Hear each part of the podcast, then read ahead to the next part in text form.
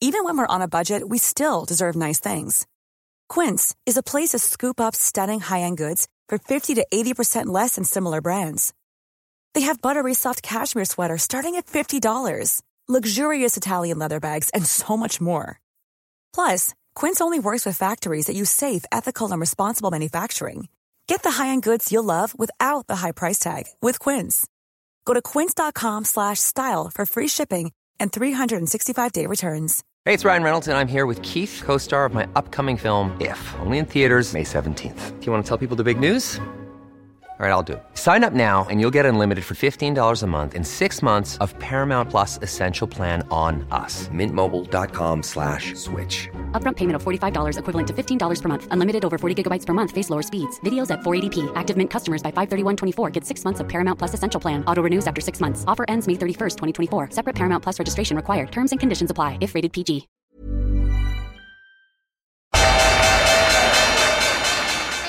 They mistook leverage for genius. Leverage for genius. I would recommend Japan. The governments don't rule the world. Goldman Sachs rules the world. Velkommen til episode 127 av podkasten Tid er penger, en podkast med Peter Warren. Jeg heter Sverre og er produsent og trykker på start og stopp-knappen og deltar litt i diskusjon. Ellers så skal vi i dag snakke om eh, en rekke tema. Det er jo på en måte litt eh, lignende tema som tidligere, men det har vært mye utvikling, og vi har vært, eh, gått i litt voksenopplæring den siste tida. Så litt Evergrande, litt krisemaksimering med gjeldstaket. Vi ser på hva som har skjedd i markedet nå. Det har vært en, noen spesielle utviklinger som er verdt å ta tak i. Og så har vi da gått i en liten utdannelse hos noen av lytterne faktisk om kraftmarkedet. Vi snakker litt om det.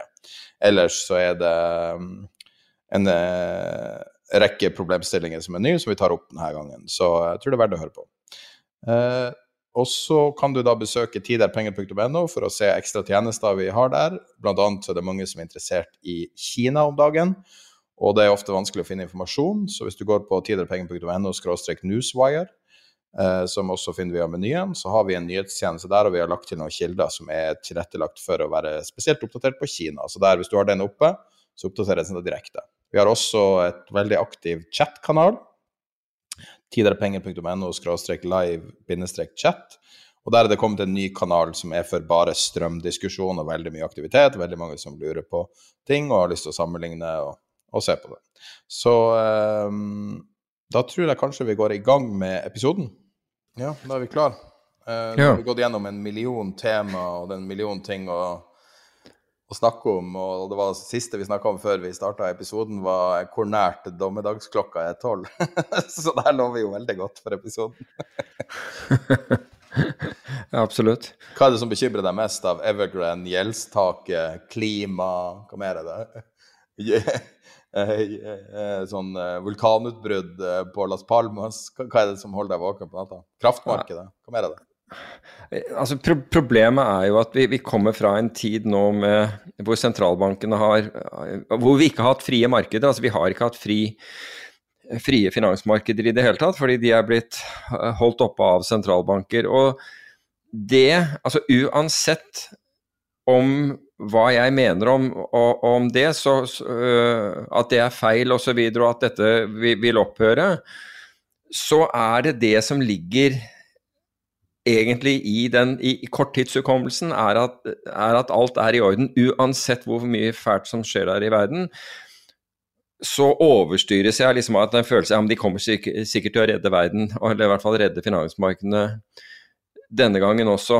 Og, og jeg må på en måte korrigere meg selv for å, for å ta inn over meg f.eks. alvoret av, uh, av gjeldstaket i USA og de konsekvensene.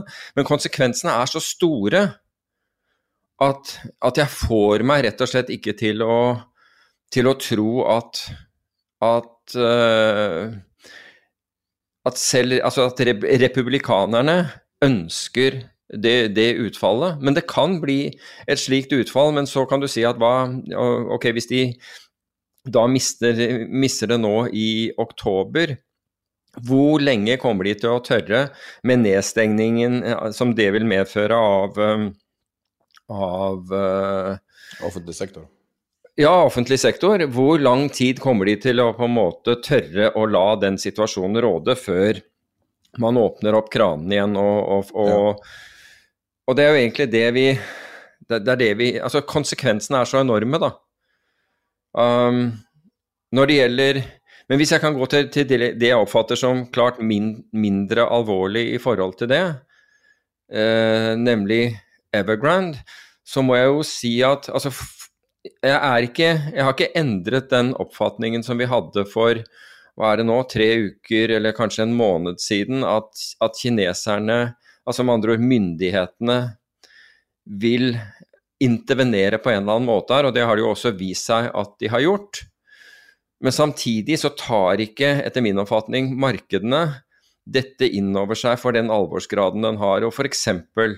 da Evergrande ble fordi i, in all fairness så, så, ble de tvunget til å selge 20 av, av denne banken som de eide, til et statlig kinesisk organ for jeg tror det var 1,5 milliard eh, dollar. Og resultatet av det er at aksjemarkedene drar oppover i Europa og i USA. Det er helt fantastisk. Problemet er løst. Det er 1,5 milliard ut av en gjeld på 300 milliarder. Med andre ord, de har fått inn uh, 0,5 0,5 av gjelden sin. Det er det de, de oppnådde med Men det. Men de fikk inn eh, ca. en femtedel av utestående uh, liabilities? Ja, der og da, ikke sant. Der og da. Og så betalte man kineserne. Men så sier man at ok, men default ble, uh, ble unngått. Nei. Det er heller ikke riktig at default ble unngått. Det som nå skjer, er at for vi har ingen dokumentasjon for at de, de som satt på Eller de som sitter med, unnskyld, uh, uh, gjeld altså obligasjoner, i Evergrande i dollar, har fått pengene, har, har fått, uh, fått, uh, fått, renter.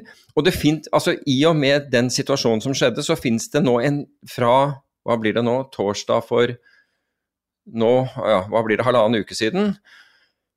Nå er det en 30 dagers grace-periode hvor man har mulighet til å betale dette her uten at det blir erklært en default. Men default-muligheten er ikke blitt borte. Det er ikke sånn som at dette her er helt greit.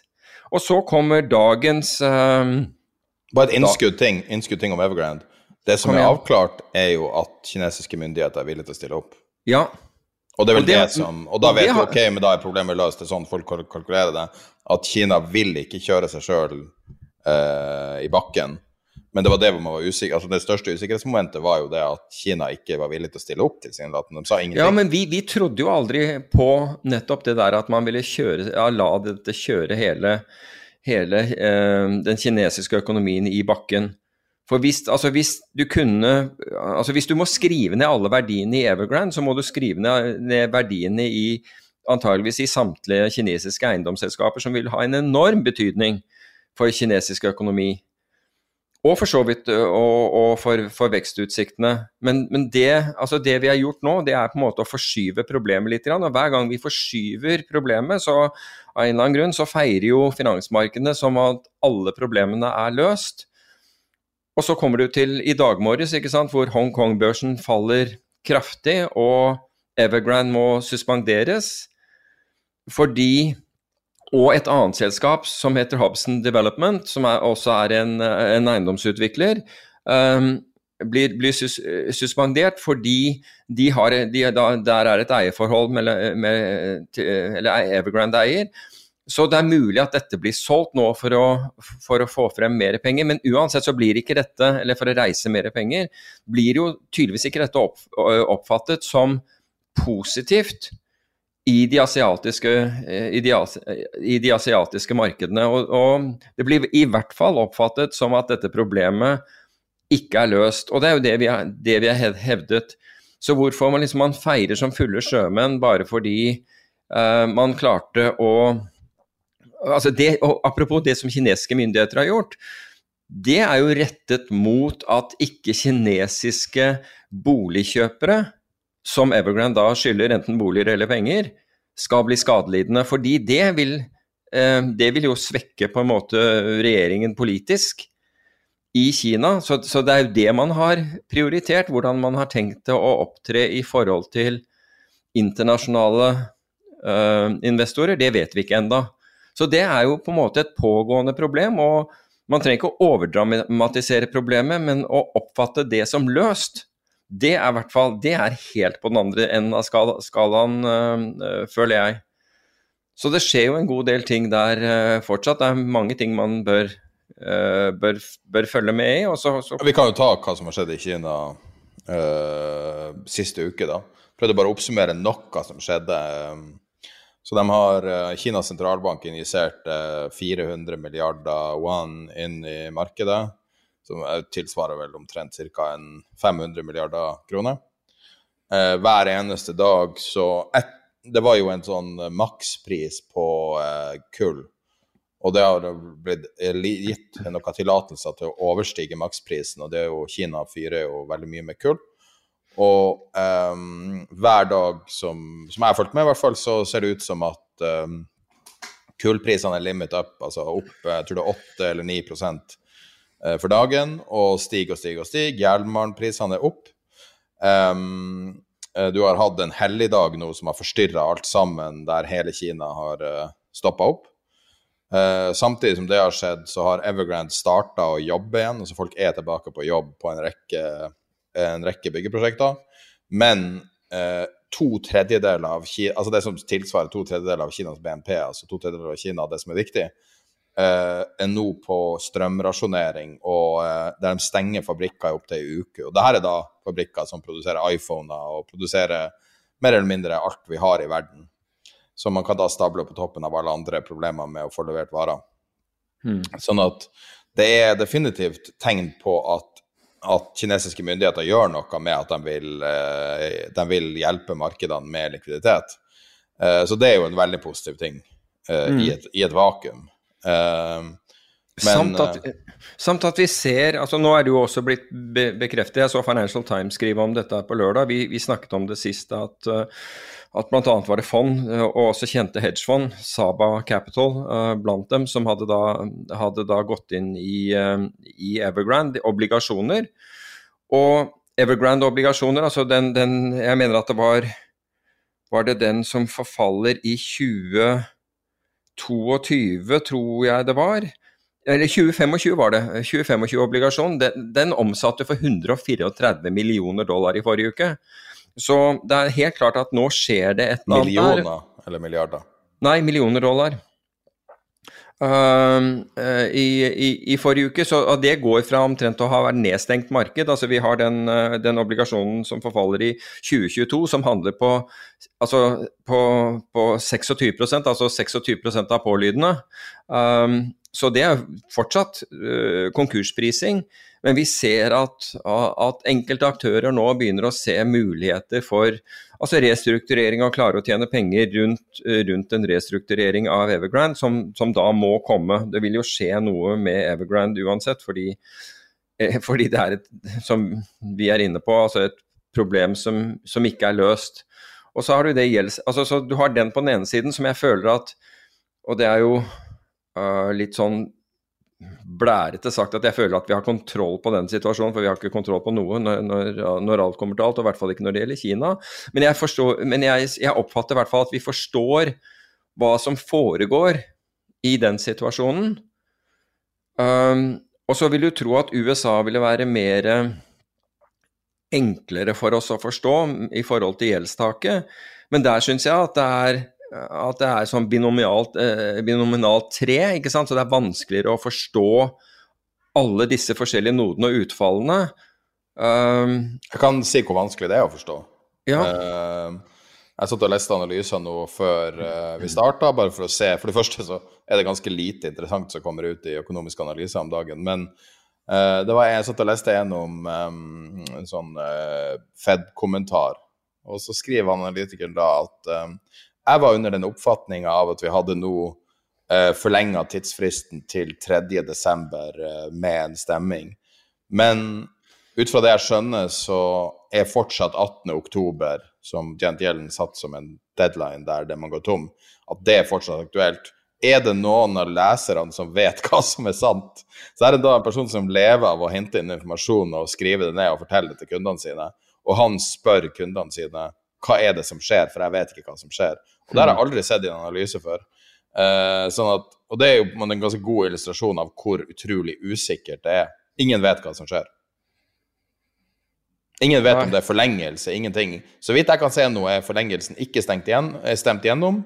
Som betyr at eh, USA har noen uker på seg til å gå tom. Og så på toppen av det, det er så mye ting her nå. Så eh, du har eh, CDS-en trader litt opp, altså konkursforsikring mot USA er, blitt dyrere. Ja, den er på seks måneders uh, high i øyeblikket. Ja, fortsatt vært- relativt lav hvis du Ja, sammenligner med potensialet på hvor, Mm, hvis det går galt. For all del. For all del. Men du kan si Sist gang vi hadde det her, var 2011. Da var det jo ganske ille. Og da ble jo USA nedgradert, og det var jo en veldig reell konsekvens av det. Men eh, bare ta og um, uh, Så Bloomberg hadde en veldig fin oppdatering ehm, i dag morges eh, som heter 'Doomsday clock for US debt ticks with no congressional plan'. Og det er vel den beste oppsummeringa som er nå. Mm. Men det som er skummelt, da, er hvor komplekst det her er. Sånn at du må gjennom flere ledd, og ingen virker å ønske å løse det her. At alt er på en måte sånn politisk spill, sånn typisk sånn til siste sekund at man prøver å utsette det. Men det de sier eh, i eh, Altså flere analytikere av Bloomberg har snakka med, sier at, at de må være veldig forsiktige med å pushe det for langt. Og, og da lagde de en matrise som viser i praksis hvordan gjeldstaket blir heva. Og, og da er det flere ting, sånn som at hvis, eh, hvis republikanerne sier ja til å stemme, ok, greit, da er det løst. Eh, men det som er skummelt her, er f.eks. hvis demokratene lar det gå for lenge nært 18. oktober, så kan det være nok til at man føler til en default. Man rett og slett ikke klarer å løse det i tide. Mm. Uh, og det er en sånn typisk sånn problem som kanskje ikke politikerne nødvendigvis ser. Og det minner meg litt om uh, sånn som Berlinmuren, hvordan den falt, f.eks. Der det var én person som skulle skrive ei pressemelding og fjerna ett ord i pressemeldinga. Leverte det videre til en mann som ikke visste hva han leste opp. Og han leste opp i praksis ja, at det var fritt å reise over grensa. Sånn falt Berlinmuren.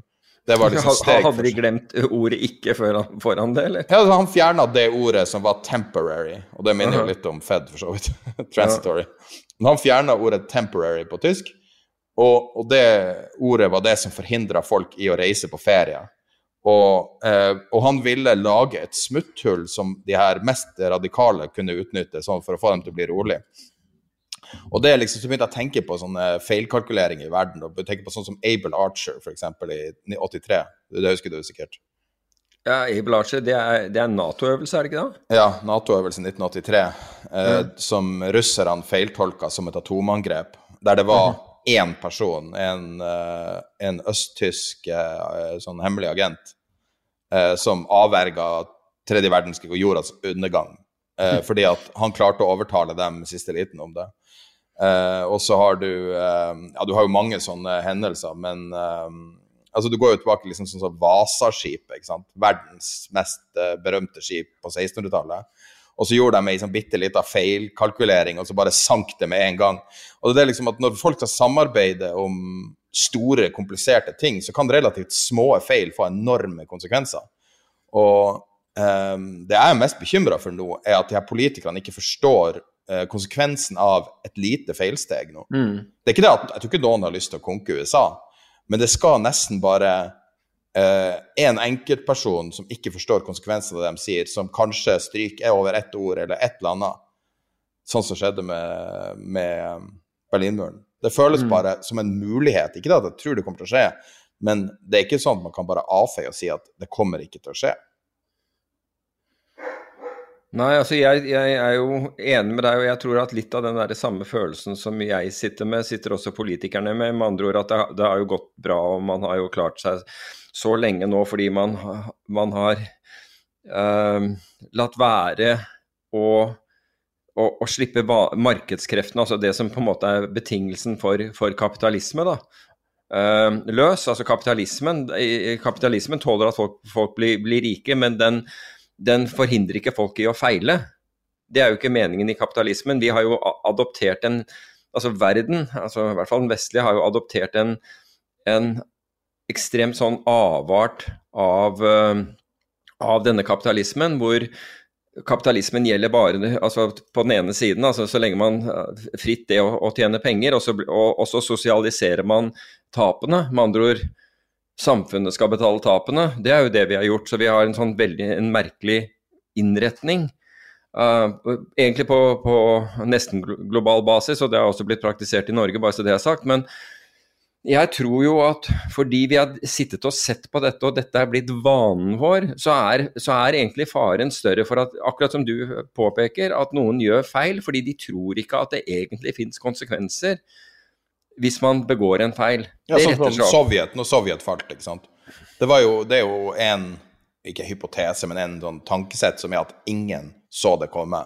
På tross av at hele måte, verden fulgte med alle mm. sånne um, analytikere i, i, i den, de segmentet fulgte med på denne problemstillinga med Sovjet og Russland og kalde krigen og alt sammen. Det var utallige mennesker og hjerner og, og teamer involvert i analyse, men ingen klarte å se det som var så utrolig åpenbart, som var at Russland var i ferd med å kollapse inn på seg sjøl. Mm. Og, og, fordi at det var liksom helt utenkelig. Det var en utenkelig tanke. Og derfor var det ingen som tenkte den. Men ja. det var jo utrolig eh, lett å se fra utsida, mer i retrospekt. Ja, altså jeg, jeg, tror vi har veldig mange tilfeller i, i verden av, av complacency. Hva heter det for noe? Altså en form for likegyldighet.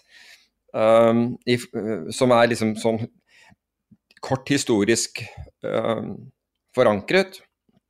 Og nå skal ikke vi liksom dra den storyen en gang til, men, men, når, du, men når du ser på på World Trade Center og det som skjedde der. at Når du tenker på at man har da fulgt med på uh, bin Laden i, i detalj Derfor, altså, Både FBI og CIA startet jo egne grupper for å bare følge med på Al Qaida.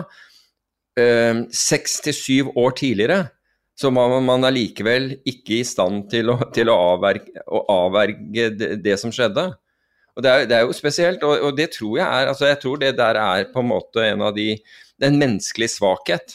At vi kan ikke forestille oss noe når vi ikke har, har det rett i altså nettopp, Hvis vi ikke har nettopp opplevd det, eller for kort tid siden, så er det ekstremt vanskelig for oss å se at verden vår blir, blir snudd på hodet. Og Vi må bare håpe at, at politikerne ikke gjør noe nå som, som, sender oss i en sånn, uh, i en, sånn en eller annen form for, uh, for uh, spiral. Men, ja, men du ser, sier, det du sier med 11.9., ikke sant. Små ting får store konsekvenser. Ja. Condoleezza Rice har jo på en måte for mange fått skylda for å være en sånn gatekeeper for å holde på den intelen, der hun ikke slapp det til. Ja, det er utvilsomt riktig også. Ja, og, og det at hun er en enkel person som før hun havna i den rollen, hadde på en måte ingen signifikans for verden sitt uh, utfall den ene eller andre veien. Og det at hun tar en avgjørelse basert på et eller annet i hennes verden som er riktig, eh, fører til den største geopolitiske endringa de siste 50 årene, kanskje. Ja. Eh, og hvor utrolig store konsekvenser en bitte liten ting kan få. Ja. Men forut for henne, og da, da, dette Altså første Det er kanskje ikke det første, men i hvert fall virkelig første store Al Qaida-angrepet ble jo satt i, i, verk i Aden mot et amerikansk krigsskip som het Cole. Som da en, en åpen båt kjørte rett inn i, og den åpne båten var fylt av eksplosiver. og jeg tror 17, uh, 17 uh, av besetningen på, på, det amerikanske krigsskipet ble, ble drept. og veldig mange andre skadet. Og i, i etterforskningen av det så er det USAs ambassadør til Jemen, eh, som het Baudin, som på en måte gjør alt hun kan for å forhindre den etterforskningen. Hun, ikke, hun tillater ikke at eh, FBI får, får, nok folk inn i landet til å, til å undersøke til, til, å, til, å, gjøre sine åstedsgranskninger og, og etterforskning. Altså hun, hun spenner bein på alt og for, for, på en måte én person får lov å drive på den måten. Og det gjorde jo at man ikke klarte å samle inn nok data. Og at det tok ekstremt lang tid før man kunne fastslå både hva det var, hvem det var osv. Og, så og, og eventuelt mulig ja. trussel. Og i dette tilfellet er det Chuck Schumer og uh, Mitch McConnell og de her gamlingene på, på Senatet som har en million uh, en million dealinger med hverandre og har eh, helt andre, en helt, andre, helt annen verden de lever i enn vi lever i. Ja. Mens konsekvensene er at hvis de tar et feilsteg altså Her er alle over pensjonsalder også. alle er, Her er eldre mennesker sant, som, som kanskje ikke har så mye energi, og kanskje er som, som kanskje ikke strengt tatt ikke burde vært i så viktige roller. Og at de sitter og på en måte har en sånn gamesmanship og, og spiller med hele verdens skjebne. fordi at jeg har, aldri sett, jeg har aldri sett en simulering av hva skjer hvis USA konker. Vet Nei, altså, vi, vi må jo gjøre oppmerksom på at, at USA konker ikke selv om eh, umiddelbart fordi man ikke løfter gjeldstaket. Det første som skjer, er at man ikke kan betale statsansatte i USA. Ja, ja, men er- du har eh, Ja, ja, jeg bare sier det, så, så det, er, det er ikke som om det er en automat, automatikk i det, og så har man litt tid til å, å, å, å prøve å nøste opp i, i ting som har skjedd tidligere. fordi det er I det forrige nyhetsbrevet sendte jeg jo ut den der oversikten over betalingstidsfrister. Og jeg mener å huske at det var, var det 15. november eller noe sånt, der de hadde stor rentebetaling. Mm.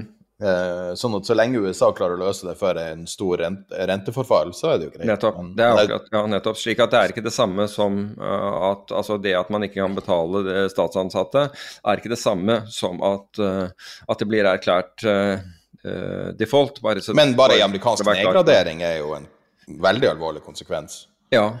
Det Jeg vet ikke hvor stor altså Det var i 2011 den ble nedgradert, om det hadde noen påvirkning på det som skjedde i 2012.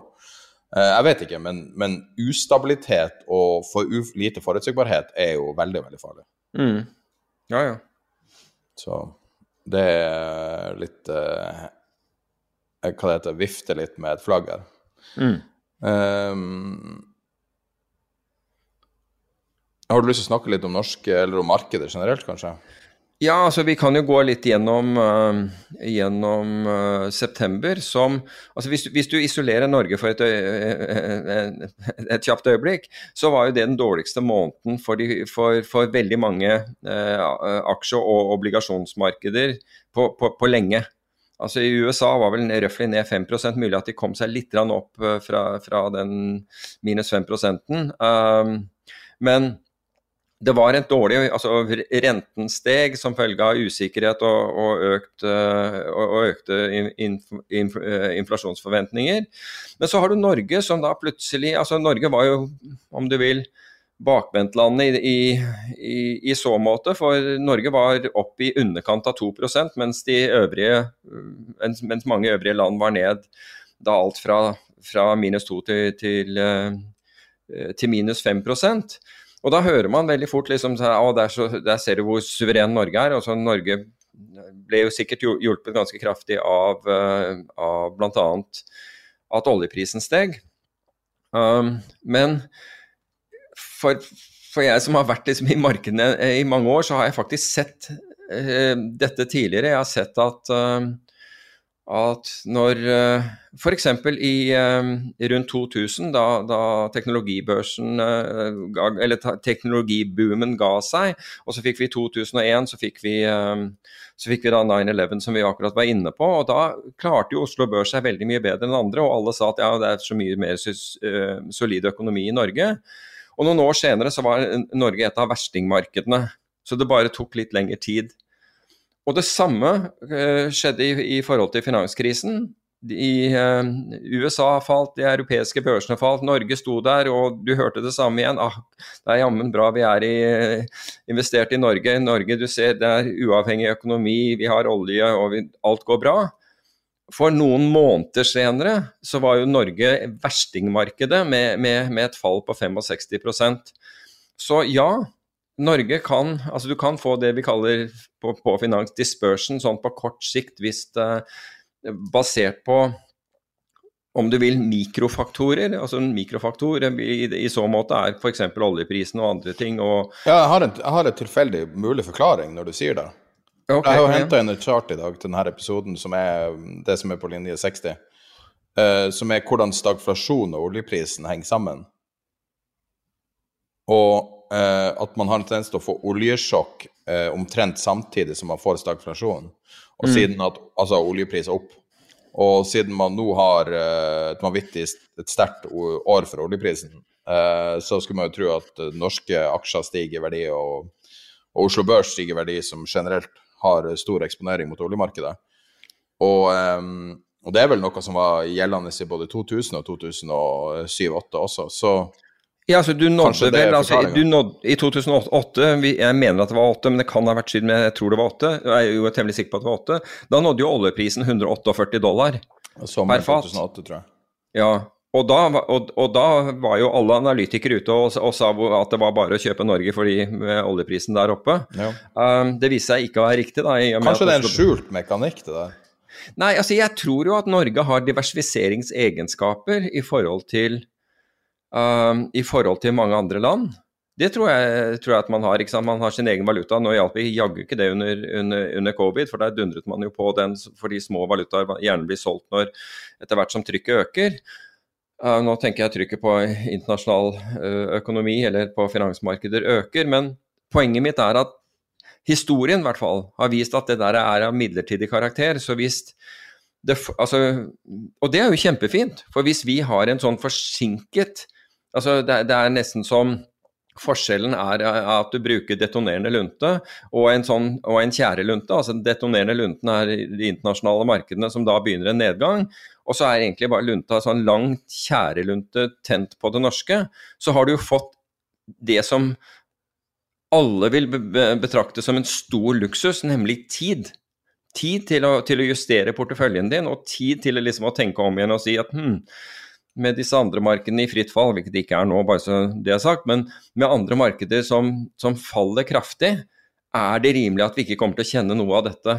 Selvfølgelig kommer det til å være hauger av folk fra finansmarkedene som da har økonomisk interesse i at du blir sittende stille i båten og at du blir der og at du tar den så mye risiko som du bare kan, som kommer da til å si at nei, nei, dette er ikke noe problem. Men de tar jo heller aldri noe ansvar når du er nede på 65% som en kjent norsk forvalter eh, sa når han ble konfrontert med at han hadde bare sagt at han skulle kjøpe med begge hendene eller et eller annet sånt. Han kunne ikke noe for, og Svaret hans var da, når markedene hadde falt fra hverandre, var at han kunne ikke noe for at han var en positiv person. Så eh, det hjelper jo veldig lite hvis, eh, hvis vedkommendes eh, positivitet har gjort at du har, du har tapt over halvparten av, av sparepengene dine. Det, jeg, det er det jeg vil på, påpeke. Men ingenting er bedre enn at Norge reagerer sakte ved Altså hvis de øvrige landene, øh, øvrige store markedene ruller over, da er det egentlig det vi kan følge med på og så si at ok, har jeg den risikoen jeg ønsker å ha nå, er jeg fornøyd, vil jeg bare sitte her, eller vil jeg justere ned risikoen min? Det er på en måte en luksus, altså. Og det er verdt noe. Men i ditt eh, litterære bilde, er potensielt stagflasjon lunta? Stagflasjon, lunta uh... Jeg bare ble helt uh, Bare Ja, gi deg litt jo- tenketid. Jeg ble helt sånn hypnotisert av ideen om at det her var en mekanikk som jeg aldri har hørt omtalt før. Om det kan være liksom en sånn uh, Altså noe som Der du faktisk kan spå noe så alvorlig som stagflasjon, altså inflasjon pluss stagnering. Ja, altså Eh. inflasjon, øh, altså stagflasjon definert som inflasjon og fallende vekst, ikke sant? Ja. Samtidig. Um, det er jo stagflasjon. Og, og det kan vi jo se altså det, det er jo ikke noe som er blindt for oss å se. I øyeblikket så jo, har vi definitivt inflasjon. Og vi har og, fallende vekst. Og vi har fallende Kina, vekst, sant? Kina forsvinner jo. Ja, altså, og, jo, men den biten er jo den du egentlig trenger å tenke over. Fordi at veksten ellers forventes å falle noe tilbake igjen, det tror jeg, det, det tror jeg er, er uh, innafor det som er forventet. Fordi vi kan ikke forvente den enorme uh, at den enorme veksten som, kom, som kom etter at uh, på en måte covid ikke tok oss ned i det store mørket? Så, så kom veksten tilbake igjen. Og, i, og det skjedde i monn takket være lave renter og for mange i, mange land at man skjøt inn mer og mer penger inn i finansmarkedene. Så et eller annet sted måtte jo dette her annet, vise seg. Og det, det viser seg da i en kraftig vekst. Men etter hvert som man tar da pengene av, av bordet, altså reduserer eh, eh, støttetiltakene for markedene og renten kommer opp, så forventes det jo at, at, at veksttakten øh, øh, faller. Og det er jo rett og rimelig i, i, de, i de fleste markedene, og, og det tror jeg også er innenfor for- forventningen. Men hvis det nå blir ytterligere påvirket av at Kina som du sier, stanser eller stå, skulle stoppe opp, det er klart da Jeg tror ikke det er i forventningen. Jeg, jeg tror det ligger i en forventning at Kina også eh, at veksten i Kina også vil bli redusert. Men jeg tror ikke det er at Kina stopper, for å si det på den måten. Jeg tenker, altså, Tenk deg nå bare det at Ikea sender egne godstog fra, fra, Asia fordi at de får ikke tak i varer. fordi at hele, hele den infrastrukturen man har basert seg på i moderne økonomi, er i ferd med å, å knele.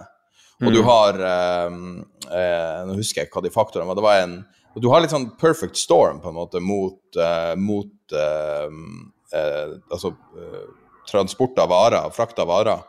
der du har så mange faktorer som har truffet markedet samtidig. Og at det virker bare å bli bare verre og verre, egentlig. Det blir ikke bedre. Det virker at det bare aldri stopper. Og det er jo få ting som har så mye konsekvenser for vår hverdag, altså hvordan ting føles som om at det ikke er ting å kjøpe. For det er jo, det, det, er jo det, vi baserer alt på, å kjøpe ting og selge ting. Det er jo sånn hele maskin, altså hele Vesten er jo bare en, forbruks, uh, en forbruksøkonomi. Vi ja. produserer jo veldig lite sjøl. Før så kjøpte du en telefon, så var den norsk. Så kjøpte du en radio, så var den norsk. Alt var produsert i Norge. Mm. Det er en grunn til at vi ikke har Tandberg-radioer lenger, fordi at du kan kjøpe det for en tusendedel av kostnaden fra Kina. Antageligvis, ja. Så, så det her har enorme konsekvenser som er litt vanskelig å, å se. Ja, altså jeg, jeg, er helt enig. Så poenget mitt er jo at, uh, at hvis Norge er i den heldige situasjonen at, at, det, en, at det opererer på en måte at det, eh, våre, våre, våre, svingninger eller vår, vår, endring av trend uh, er, er, som en, uh, er, som om du tenner en, en, en saktebrennende tjærelunte så har vi jo på en måte alt det som skal til for å, for å tilpasse oss, og da er det jo e-, egentlig vår egen feil om vi ikke gjør det. Men det, det, har, det er en løsning på det fraktproblemet, da? En veldig enkel løsning. Og okay. den har skjedd nå. Barron, den økonomiske tidsskriften, har putta fraktproblemet på ei veldig vakker forside av, av, magasinet sitt. Og vi har jo omtalt forsideindikatoren noen ganger før, men den het mm. opprinnelig Barron Cover Indicator. Og det betyr at Barron tar alltid feil. Så når Baron putter noe, eller Barons putter noe på, eh, på coveret, så er det enten over eller bare rett og slett feil. Og nå har de putta, eh, nå har de putta da eh, fraktmarkedet på eh, fraktmarkedet. Det ser for øvrig til, til forveksling ut. For, altså jeg, jeg, bodde på, på, et hotell i, i, Singapore en gang, og jeg husker ikke hvilket det var i farten, men, men der hadde man utsikt rett utover Singapore Straits. og, og det, og det, det, bildet som er på forsiden, kunne vært tatt fra det hotellrommet. For der lå det skipet, altså der lå skipene på, det, på akkurat på den måten. En kar jeg kjenner som bor i California, sier at uh, nå er gridlocken så kraftig i uh, Los Angeles at uh, skipene har nådd hans bolig langt ned på kysten. Så de ligger i virkelig lange køer der. Og, og, det er jo utrolig spesielt, fordi at alle de her tingene det her er jo livsblodet til økonomien. Eh, altså, når vi snakker om alle de her tingene, inflasjon og alt mulig, så er det jo det her er jo vanlige folk sine vanlige problemstillinger. Mm. Så, um, så, det er definitivt reelt, og det er veldig mange problemer samtidig. Så det er mange ting å ta, ta over seg, så det tar for seg samtidig. Du sier Los Angeles, altså Long Beach, det er, det er, ikke, det er ikke, et lite havneområde heller. Jeg tror det er flere uker forsinkelser på Oi, akkurat. Så du den der traden som var i uh, Bloomberg? Den der om han, uh, han, som var den store shorten. Hva du syns du om sånne saker? For det er en kar som har gjort en opsjonstrade. For det første så sier de det er en som har gjort det. Kan de virkelig vite det?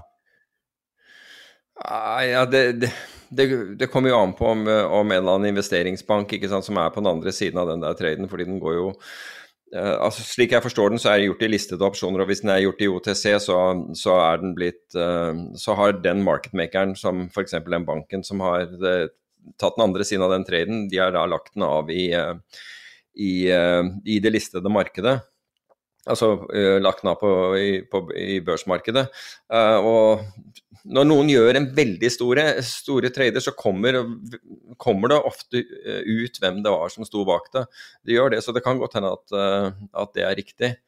Um, men den hedgen, altså det, dette er jo en, en, en, type, en, type, hedge hvor man utsteder altså, så det, så det, altså dette er en portefølje som er i utgangspunktet som er long. Altså hvis, hvis, det er gjort som en hedge og ikke gjort som en, en, en spekulativ forretning, så, så, sitter man på f.eks. et aksjefond, eller man sitter på en tilsvarende uh, portefølje som et aksjefond, som da er, kan være indeksnært, f.eks. et indeksfond. Så utsteder man en kjøpsopsjon som ligger over den kursen, eh, som, eller over det indeksnivået vi har i dag. Og så bruker man, de, man den premien man får inn, til å kjøpe en puttspredd. Um, og en put-spread består av en, en, altså man kjøper en salgsopsjon et stykke under markedet, og utsteder en salgsopsjon som er, ligger enda lenger ned. Og det, er, det kalles en Seagull, men, kan, men, noen tenker at det er en um, solgt strangle med en, med en, kjøpt out of the money put imellom. Det er mange måter å se det på, men det er i hvert fall det. Så poenget med denne traden er, er at kjøpsopsjonen altså, er solgt for å finansiere da denne beskyttelsen uh, på nedsiden. Jeg husker ikke, Var, det slik at den, den, beskyttet vedkommende fra et fall på ned til 20% eller et eller annet sånt? Fra mellom, ja, mellom, 5 og 20, mellom 5% og 20% et eller annet sånt var vel, uh, var vel den de gikk ut på, tror jeg. Men det er ikke en uvanlig måte å, å, hedge seg på. Det er mange som bruker Eh, som bruker denne, eh, den strategien. og det er, ikke så dumt heller. Fordi eh, i, altså i verste fall altså nå, nå, falt jo altså Nå har jo SMP 500, bortsett fra fredag hvor den hadde en, en brukbar uptick, uh, falt i, i, gjennom september, og som vi innledningsvis var inne på, var ned ca. 5% Og hvis det, hvis det, nå går opp, og du sitter da med, med disse aksjene, ok, så, så og den kjøpsopsjonen kommer til anvendelse, greit, da, du, da, har du fått en bedre pris enn, det, enn du ville fått i dag. Men du har beskyttet porteføljen din på nedsiden mot hvis det kommer et stort fall. Og Det er hele, hele hensikten. Og ofte blir, det, blir denne type eh, opsjonsstrategi forsøkt å, å, å bli gjort til, til, null premie, slik at du har ikke noe særlig premieutlegg ved å gjøre den. Så det er en helt, er en helt vanlig strategi. Det eneste som er uh, er, eh, om du vil, oppsiktsvekkende med, med, med denne, er at uh, den er gjort i, i stort volum. Men hvis du er en liten altså hvor, hvor liten trader, altså hvor, hvor, stor må du være for å gjøre noe i denne størrelsen? Så stort at du får en artikkel på Bloomberg. og, og, du har ikke noe utlegg siden at du gjør en uh, Altså du, du, gjør to bein? Ja, da, da, skal den jo være på en del Da, da må den jo være på en, på, på, på en del 10 000 kontrakter, eller, eller, mer, i hvert fall. Men uh, selv om du ikke må stille margin, så er det vel en viss jo, jo, krav? Du må, uh, eller du må stille margin Ja, det kommer an på. Fordi du kan bruke Hvis du bruker aksjeinnehavet ditt, f.eks. at la oss si at du satt på aksjefondsandeler, da. Uh, og du bruker de som sikkerhet, da er det mulig at du, da slipper du marginen til oppsiden. Men uh, Ja, du kan Ja, da slipper du margin på denne handelen. Da slipper du margin. Så fordi, uh, fordi den puttstreiken du, du, har retten til å selge, og, og, så lenger nede så, så, så, så stopper denne rettigheten, da. fordi du selger da, i dette tilfellet Jeg, jeg ser ikke helt hvor streiken er. Det er noe sånt som 4175 ned til 3000 ja, røftlig 3500, tror jeg. Så mellom der så er du beskyttet mot, uh, mot uh, å tape penger. Så det vil ikke være noe vil, fra, fra, så, du vil, så, du vil, ikke behøve å altså Med mindre du har lånt på, på, på, på utgangspunktet, altså du har belåning på, på posisjonen din, altså på aksjeposisjonen din, så vil du ikke bli avkrevd. Eh, og du stiller da andelene dine som sikkerhet, og det, det godtas, så, så, har du ikke noe marginkrav på denne. Så det er, en, det er en helt vanlig måte å, å, å, sikre ting på, og gjort det mange ganger selv. Så, men, men ikke, ikke, så stort at, eh, at, at kom i Hvor var det du sa? På, at Bloomberg nevnte det? Uh, kanskje det er en kar som jobber i Fed? Kanskje det er Richard Clarida? Er han en av de der som har drevet og frontrunnet eh, Fed-avgjørelser, eller? Nei, det er helt sykt. Altså, han, eh, Bloomberg hadde noen flasher på det. Eh, der han har trada mellom 1 og 5 millioner dollar i et eh, obligasjonsfond. Uh, Flytta fra et obligasjonsfond inn i et aksjefond dagen før eh, Powell skulle eh, varsle om pande altså sånn ting knytta til covid. Eh, og i tillegg så har han uh, trada aksjer eh, samme kvelden som eh, Powell skulle Altså helt åpenbart med informasjon, ikke sant. Eh, eh, gjort store handler, og der er jo handler som kan være på 50 millioner kroner på det meste. Det er jo størrelse på det her. Og, Altså, det- eh, men nå blir det jo slått ned på det. Det er jo mulig at de rett og slett mister retten til å handle. Jeg, jeg ville anta at de ikke hadde det.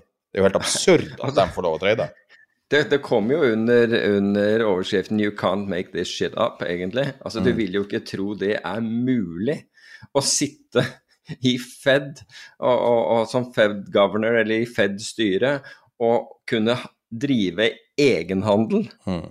Det er, det er helt ufattelig at det går an. Jeg husker når det var så mye snakk om det der um, gjeldstaket i SMB, altså i Sveits. Og så tenkte jeg at, at det hadde vært en interessant idé å sette seg i en pub rett ved, si- ved siden av den sveitsiske sentralbanken og bare henge ut der i lang tid, helt til folk begynte å komme inn som åpenbart hadde informasjon om hva som kom til å skje, og bare sitte der for å sanke informasjon. fordi at de her folkene vet jo veldig mye. Mm. Um, nå gjorde jeg aldri det og dro aldri til Sveits for å sitte med informasjonsinnhenting i en pub, men uh, Men det er det sikkert andre som gjør. Vet du hva som også hadde funka? Det hadde vært hvis du enten jobber i Bloomberg kundeservice, eller at du, du kjenner noen som jobber i Bloomberg kundeservice. For dem kan jo gå så mye som å se i sanntid hva enkeltkunder har oppe på skjermen sin. Men var det ikke noe Det skjedde vel, det gjorde ikke det? Det har skjedd masse ganger. Ikke, folk har fortalt meg det rett til ansiktet mitt. Så jobber Ja, i Bloomberg at de har sittet og spionert på folk. Ja, men det ble en sak rundt det, ble det ikke det? Fordi noen hadde brukt Bloomberg-chatten, altså monitorert Bloomberg-chatten. Jeg visste ikke at det var chatten også, det er jo helt sinnssvakt. Jo, det var chatten. Ja, ja, at chatten hvis du jobber med salg, så kan du uh, se i samtid hva folk har på skjermen. Hvis du jobber med kundeservice, så kan du vel bare se hva de puncher inn, tror jeg. Men det er jo ekstremt mye visibilitet. Da å Ja, sitte og se på uh, liksom ledere i Goldman Sachs og sånne type ting, hva de sitter og ser på, så vet du hva som kommer til å skje i morgen. Ikke? det høres ikke bra ut. Ja, nei ja. Ja, Det er eh, vi kan, ja, Og det her er- gleden betaler du en kvart million i året for å få lov å bruke. Ja, nettopp. Betale en kvart million i året for å fortelle, for, fortelle noen hva du driver med. Ja, det, det er bra. Så hvis man er en sånn storsjarmør, så bare dra til New York og prøve å sjarmere Mm. opp eh, noen som eh, jobber i kundeservice der, det er good for business. Men eh, apropos, hvis jeg bare kan ta det der ene ukens sitat, for jeg syns den, eh, den var god. Fordi eh, Nå skal ikke jeg gå dvele ved Evergrande noe mer, men det ble sagt i, i, i, for, i forbindelse med Evergrande i eh, Og det var at det var så mange kinesere som da var investert i Evergrande. Altså Enten var de investert i, i aksjen, eller så hadde de kjøpt noe av Evergrande. Og så, så sitatet var As Evergrande showed us, common prosperity can turn into shared poverty very quickly. Jeg syns det var utrolig godt sagt. Altså for, og det er jo egentlig hva som skjer når, når man konsentrerer Altså når vi alle investerer i det samme, så blir vi enten veldig rike, eller så blir det shared poverty, altså ved at, det, ved at det går ned fordi man ikke diversifiserer og egentlig alle holder samme porteføljer. Og det er det man har gjort. Det er jo det både sentralbanker og tilsynsmyndigheter har bestrebet eh, å, å gjøre siden finanskrisen. Det er jo at alle Altså det skulle ikke være noe alternativ til at du, eh, til til at du kjøpte aksjer, egentlig. Så visst. Så alle på en måte nyter godt av dersom aksjer eh, går opp, men går aksjer ned, så så vil det være shared poverty very quickly. Uh, men jeg syns det var, var i hvert fall godt sagt. Det var uh, visstnok en anonym wealth manager som, som sa dette her. Godt sagt. Skal vi gå til krypto? Ja, det er litt lenge siden. Nå er krypto er litt sånn eh, out, of, uh, out of flavor, out of, uh, out of sync. Nå har det vært så mye strøm at vi har nesten glemt av at krypto var så hett. Hvordan går det med krypto? Ja, altså det, det er ikke så fryktelig mye å si om, om krypto, annet enn at uh, mot slutten av forrige uke så så du altså Krypto har jo stort sett fullt risk on og risk off veldig mye. Har du kjørt Uh, korrelasjonsstudie på det? Hvor tett korrelerer det med SMP? Nei, altså det, har korrelert veldig tett en periode, men du kan si det spørs liksom om man har egentlig nok data på det til å, til å si noe meningsfylt. Men i det siste har det jo kommet en del nyheter som da har på en måte endret litt i det, det bildet. Og det ene var jo, og dette er jo nå flere uker siden, i hvert fall over, ja, godt over én, si halvannet, kanskje to, hvor Kina forbød uh, krypto, forbød bitcoin. Og Det har jo Kina truet med å gjøre tidligere, og det er sikkert alvor denne gangen, så det er egentlig ikke noe nytt. Men hvorfor gjør Kina det? Jo, fordi Kina der er Hva heter? Exchange controls. Um, altså, der har du Altså der har du, at det ikke lov å veksle penger? Ja, nettopp. ikke sant? Der, du har veldig begrenset mulighet til å veksle til utenlandsk valuta hvis du er eh, kineser, og det er begrenset i hvor, hvor mye du kan gjøre hvis, hvis, du skal gjøre det. Og hvorfor gjør de det? Jo, fordi de vil ha kontroll. De vil ha kontroll over sin egen valuta og, og, og velstanden, om du vil, eller eh, pengene til, til eh, kineserne. Så det at Kina eh, iverksetter dette, det, nummer én, det er ikke overraskende. Og nummer to, så kan du jo også si at det på mange måter validerer krypto. Fordi det er jo egentlig det som eh, Satoshi Nakamoto ønsket å gjøre. Han ønsket å, å frata myndighetene makten over nettopp eh, eh, formuene til, til, mennesker, altså gjennom, gjennom øh, et desentralisert og uh, en desentralisert valuta. Så det, det, validerer egentlig hans tanke, det er det, er det ene. Og så gjorde faktisk Jerome Powell, altså den, den amerikanske sentralbanksjefen, han klarte å gjøre en mask i, i, i, Var det tidlig i forrige uke? Hva ble det slutt mellom hans popstjernekjæreste og han? Hva sier du? Ble det ikke slutt mellom hans popstjernekjæreste og han? Eh, det vet jeg ikke, kanskje var derfor, men Sorry. jeg visste ikke han hadde en, en, en popstjernekjæreste. Elon Musk ble singel i forrige uke. Å, oh, Elon Musk, jeg trodde du mente Powell. Jeg ble litt engstelig her. Og det mente du sa han gjorde sånn. Ja, nei, det var ikke på den måten han gjorde det. Altså, fordi Vi husker jo da Musk som da gikk ut altså Den ene dagen hyller han bitcoin, dagen etter så er det, skal man ikke få lov å kjøpe altså Man skulle få lov å kjøpe eh, bilen hans med med, med, bitcoin, og så plutselig så forandrer han det. ikke sant? Og effekten er jo at kursen går kraftig opp på den første nyheten og kraftig ned på den andre.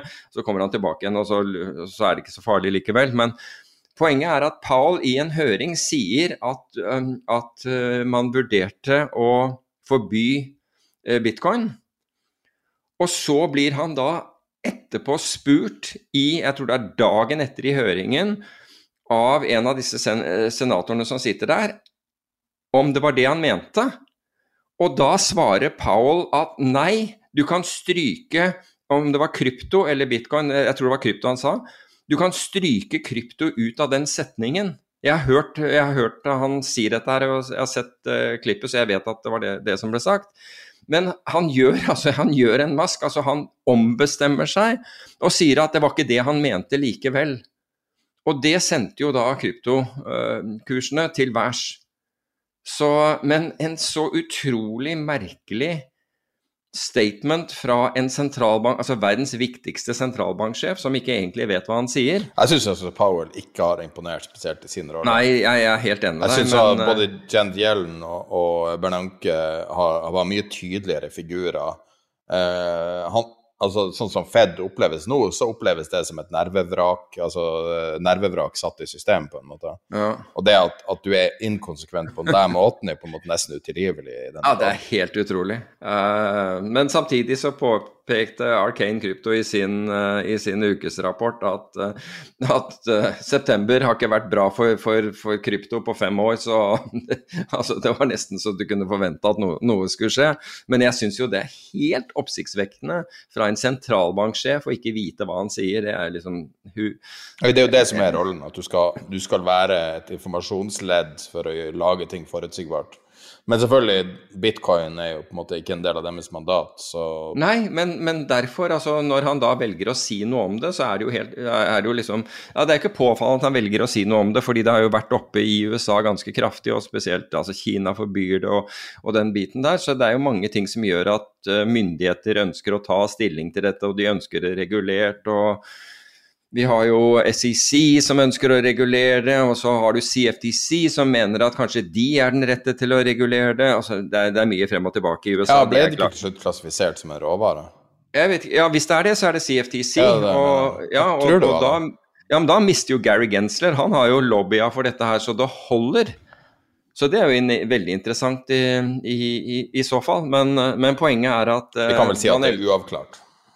ja, man elsker å, å regulere ting. Men uh, for å dra det hjem til, uh, til uh, hjemlige forhold, da. Så, så har jo Altså leste jeg da E24 som forteller at Økokrim og, og dette er jo Dette for, for øvrig, eh, hva skal jeg si, validerer er et bedre uttrykk for norsk, eh, på norsk, er ikke det? Mm, validere et helt Ja, underbygger noe som vi har sagt uh, tidligere, nemlig at, at myndighetene har muligheter. Altså at du er ikke så anonym som du måtte tro at du er. Hvis du, hvis du tror at du gjemmer penger eller foretar deg noe ulovlig via, via bitcoin eller andre kryptovalutaer. Men i hvert fall eh, Økokrim hadde da overvåket én slik konto. Og i det øyeblikket pengene da Så, så de hadde da kontonummeret, og det er opp, var til og med oppgitt i det nummeret. Det er jo en eh, Du mener adressen på uh, Ja, unnskyld. Uh, adressen altså den eh, til, til denne, denne kontoen. Så, nettopp som er en alfanumerisk eh, eh, lang eh, rekke.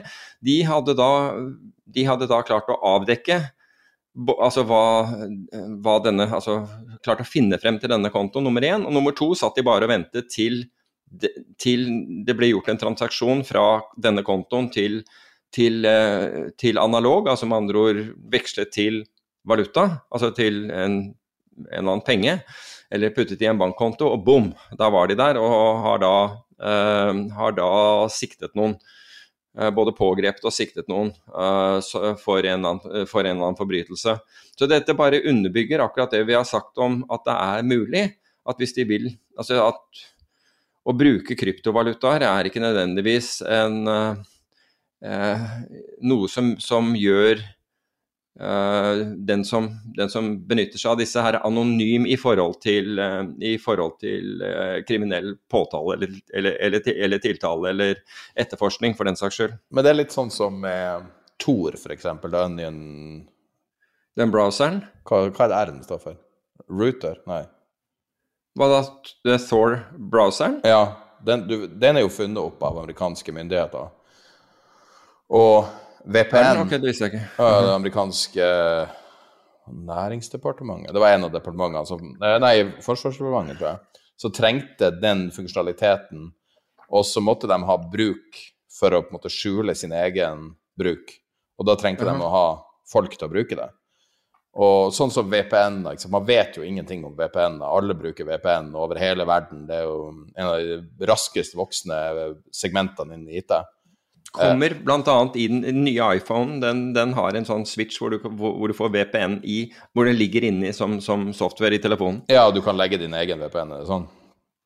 Nei, det, nei, det ligger en De- VPN inni der. Hvem i alle dager stoler på Apple sin VPN? Ikke sant? Du kan jo gjette én gang hvor det leder en. ikke sant? Ja. Pumpe all dataen din rett inn. Til Cupertino. Ja, for det er jo omtrent det eneste Apple ikke har tilgang på.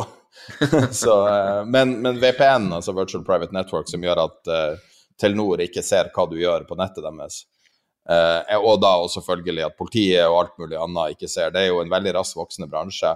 Men det er jo litt naivt å tro at ikke uh, enten Russland eller Saudi eller Kina eller USA sine myndigheter ikke har laga masse VPN-selskaper, og da gjør det lettere Israel tenker du vel på, fordi de, Saudi kjøper israelsk eh, software okay. til dette her.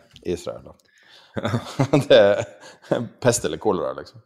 Men uh, det er jo veldig naivt å tro at, at når myndighetene er sofistikert nok til å lage Tor, eh, som da er en anonymiserende uh, måte å kommunisere på, som da er brukt mye til shady ting eh, Men det er jo også, da har du jo det som heter exit-noder, du har jo noe tilsvarende eh, med bitcoin, men da er det kontoen din.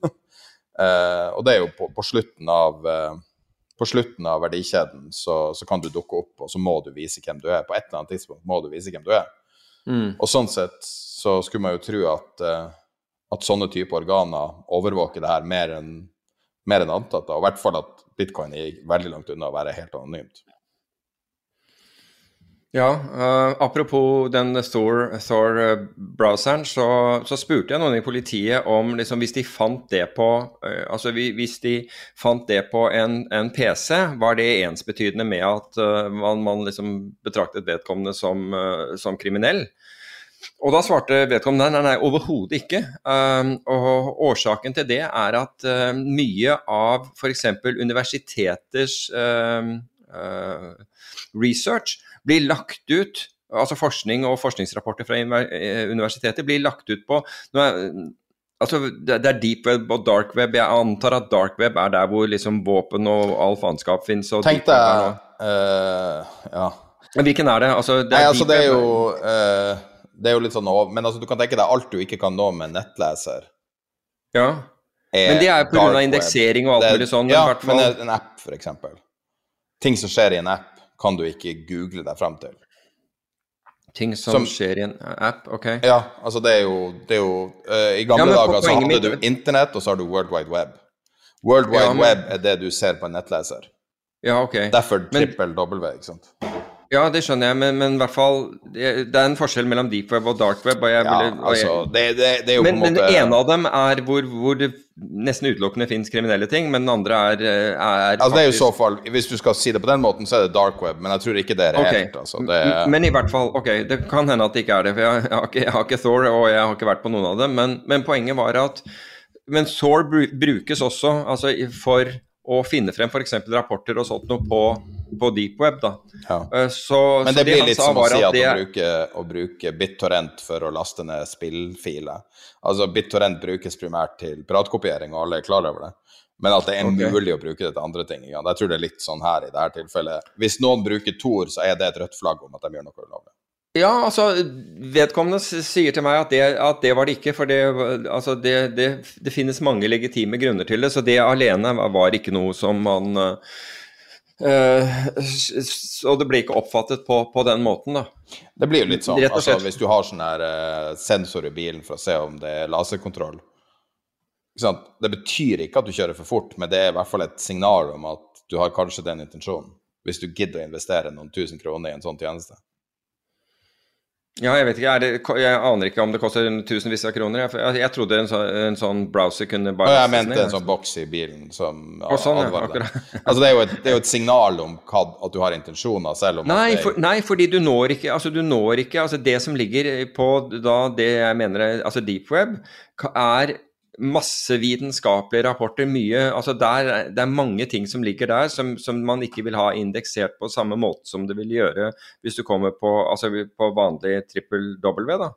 Um, og derfor så, så bruk av uh, Og han sa at i akademiske miljøer så er det Ok, veldig her, her er forskjellen. Jeg måtte bare slå det opp. Ja, det var okay. riktig. Så deep web er, som jeg sa, det du ikke kan søke med en søkemotor. Alt som Mm. er ikke indeksert. F.eks. i en app. Akkurat. Mens dark web er det som er, er ikke, søk, ikke søkbart med, altså med intensjon. Det er skjult med intensjon. F.eks. at du må ha et passord. ok. Eller du må okay. ha eh, ja, en eller annen spesialting. F.eks. Tor. Ok, Ja, men du må bruke Tor på, slik jeg forsto på deepweb òg, må du ikke det? Det er i hvert fall sånn det er Det var i hvert fall det jeg, var slik jeg forsto det, men uh, nå sitter det sikkert noen som kan dette her. Og, Ja, altså Folk Gremmes. river av seg håret nå, det kan jeg love deg. Men, det, men tingen er at å drive og anta at det er kriminelt fordi at det er det ene eller det andre, tror jeg er litt simplistisk. Uh, Altså, Så vidt jeg har uh, altså, lest i aviser og alt sånt, så, så er det veldig mye kriminelle handlinger som foregår over f.eks. Snapchat. Fordi at hvis du gjør ting i noe som alle bruker, så er det jo i utgangspunktet vanskelig å spore. For hvis alle bruker en tjeneste, så med mindre noen er ute etter deg, så er det vanskelig å tråle gjennom og finne kriminelle. Litt sånn på samme måte hvis du driver, har et sånn Nigeria-brev, du vet sånn eh, nigeriansk ja, men det gjøres, Ja, men du det vet- gjøres men du vet sånn- AI. Jo, men sånn Ja, man, de sier det, men det, Men du vet sånne Nigeria-brev der du sender fra en prins i Nigeria som skal gi deg penger? Mhm. Når du leser dem, så er de jo skrevet bevisst dårlig med dårlig engelsk, og, og gjerne med dårlig Google Translate osv. Og, og gjør, det er masse feil i dem, og de har blitt latterliggjort. Det er en sånn greie å latterliggjøre det der. Men, men det er jo gjort med overlegg. for okay. å luke ut Du vil kun lure de dummeste personene. Fordi at de dummeste personene konverterer bedre til penger. Hvis du lurer folk som er smart nok til å ikke la seg lure, så kaster du bort masse tid og energi. Aha. Så på samme måte så er det mye vanskeligere å finne noen som bruker gammel kobbertelefon til å selge narkotika, kontra noen som gjør det på uh, ei sofistikert hjemmeside som eksplisitt er laga for å selge narkotika. Det er ganske lett å finne dem, da. Okay. For du sender jo opp et stort rødt flagg hvis du går og oppsøker den tjenesten som ingen bruker. ikke sant? Mm. Ja, jeg skjønner. Akkurat som å sende et postkort. ikke sant? Altså, selv om det ikke er engang en konvolutt, det er jo ingen som leser det. Det er jo helt umulig å overvåke det. Det er for, eh, og det er ingen som bruker det, så ingen tenker på å overvåke postkort. Mm. men, men, men dette leder altså ting som i hvert fall ikke jeg kan, uh, leder oss litt opp øh, leder oss litt uh, til neste tema, føler jeg, og det er, det er kraftmarkedet. For, fordi i forbindelse, altså Som i forbindelse med dette her med, med å ikke forstå web, altså deep og dark web og, og, og, og Thor eh, 100 så Ikke det at jeg, forskjønner, at jeg forstår noe særlig annet eh, 100 men, men kraftmarkedet, og, og det snakket vi om, eh, om sist gang også, hvis det var noen der ute som ville forklare oss dette her bedre, så, så var vi eh, lutter øre uh, i forhold til det, tok gjerne imot det. Og det var det. Mm. Så Sven og Arnfinn fra Glitre Energi tok, det, tok, det, tok den, eh, plukket opp den der hansken og ga oss en halvannen, et halvannen times um, webmøte om hvordan det, kraftmarkedet, og spesielt fordi jeg hadde vært inne på dette med magasinfylling og maga, magasintapping um, hvor- um, i den forrige podkasten, og dro oss gjennom både det og kabelen til Tyskland, kabelen til England og alt, og alt dette her eh, betyr. Og det for meg var utrolig interessant. Ja, det føltes som å høre på en podkast der jeg kunne Ja. stille spørsmål. Uh, Det var, eh, den var helt enestående. Altså. Så, eh, og, eh, de sa de hadde hørt på alle episodene fra start, så det var jo en artig måte å, eh, at de følte de kunne gi noe tilbake. De hadde jo virkelig ingen baktanker, bare for å prøve å informere om et marked som de fleste ikke kan så veldig mye om, og de kunne jo basically alt om det. Og den ene tingen, Nå hadde ikke vi påstått at, eh, at, man, eh, at man tappet ned, ned vannmagasiner med vilje for, for, eh, for at ville For at de som gjorde det, ville tjene mer penger. Det, det, så langt hadde ikke vi gått, jeg hadde faktisk ikke engang tenkt på det. Men som en av de sa, det florerte forbi til, til, til stadighet. Og det er kontra, altså intuitivt, det er, det er feil. Fordi hvis du tapper ned vannmagasinet ditt for, um, for å uh, Så vil konsekvensen av, det altså hvis du, hvis du gjør det for å tjene mye penger, altså for at du skal kunne selge strømmen din dyrere, så har du akkurat kvittet deg med, med innsatsfaktoren, øh, innsatsfaktoren din for å tjene penger. fordi hvis du har tomme vann, øh, vannmagasiner, så tjener du ikke mer selv om, selv om strømprisen går opp, fordi du har ikke noe du kan produsere fra. Og det er, en, det er øh, logisk, øh, en, en, en, logisk slutning. Jeg syns også jeg- det var fint det de sa om eh, de kablene, for det er jo masse masse politisk krangel om det. Og, og, og, og det de sa når du sitter og ser på Jeg skulle gjerne egentlig hatt dem som gjester hvis de kunne en gang. hadde Ha samme samtalen med opptak. Det får vi se hvis, hvis det går an. Og, og det er ikke sikkert de kan gjøre det med jobb og sånn. Men uh, det artige var jo også at det de sa om de her kablene altså De måtte bekrefte og avkrefte jo litt, men summen av hele samtalen var at, så vidt jeg ser det, var at Europa er ett marked. Og det å separere det her i land Inkludert Norge nå. ja, ja. Og, og det er feil å, å tenke at det her er vår strøm, og nå kommer deres stygge strøm opp og, og regulere. For det de sier, er at det, det, det her markedet er, det er ikke gi- prisgitt at vi har nok strøm.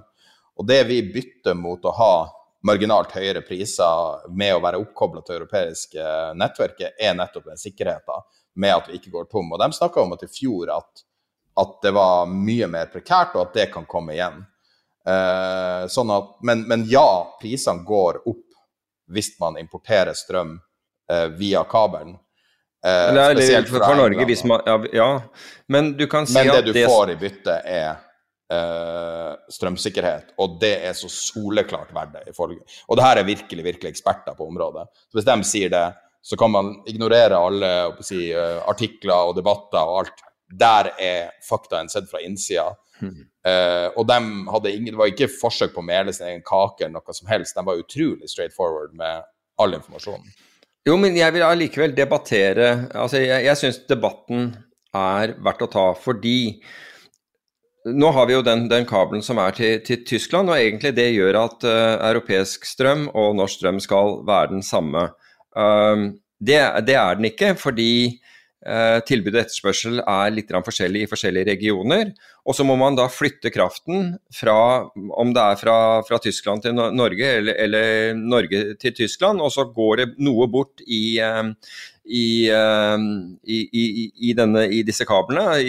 Så det er noe friksjon der som, som, gjør at prisen ikke er akkurat den samme. Altså, du har systempris, det er jo den hovedprisen på strøm som, som, er, som, som settes f.eks. som er felles. Og så er det områdepris, som da er direkte i disse områdene. Har, jeg husker ikke hvor mange områder du har i Norge, men det er mange i hvert fall. Det er i hvert fall en god del. Områder av Norge hvorav, eh, hvorav du har liksom områder rundt Oslo, du har Sørlandet og du har Vestlandet. Hva tenker du på strømmarkedet? Ja, antall ja, i Norge. Antall, um, Hva er det, fire? antall områder. Det må være mer enn fire. Er, altså, hvis du går oppover landet, så må det definitivt være mer enn fire totalt sett, ville jeg trodd, da. Det er, jo, det er, jo, tre bare hvis du går uh, Oslo og vestover. Altså syd og vestover. Ok, men du, ja, du kan jo kikke på, kikke på det, men, uh, men tilbake til mitt uh, greie, resonnement. Det er jo at er, altså Europa for, forbruker jo naturlig nok veldig mye mer strøm enn det vi gjør.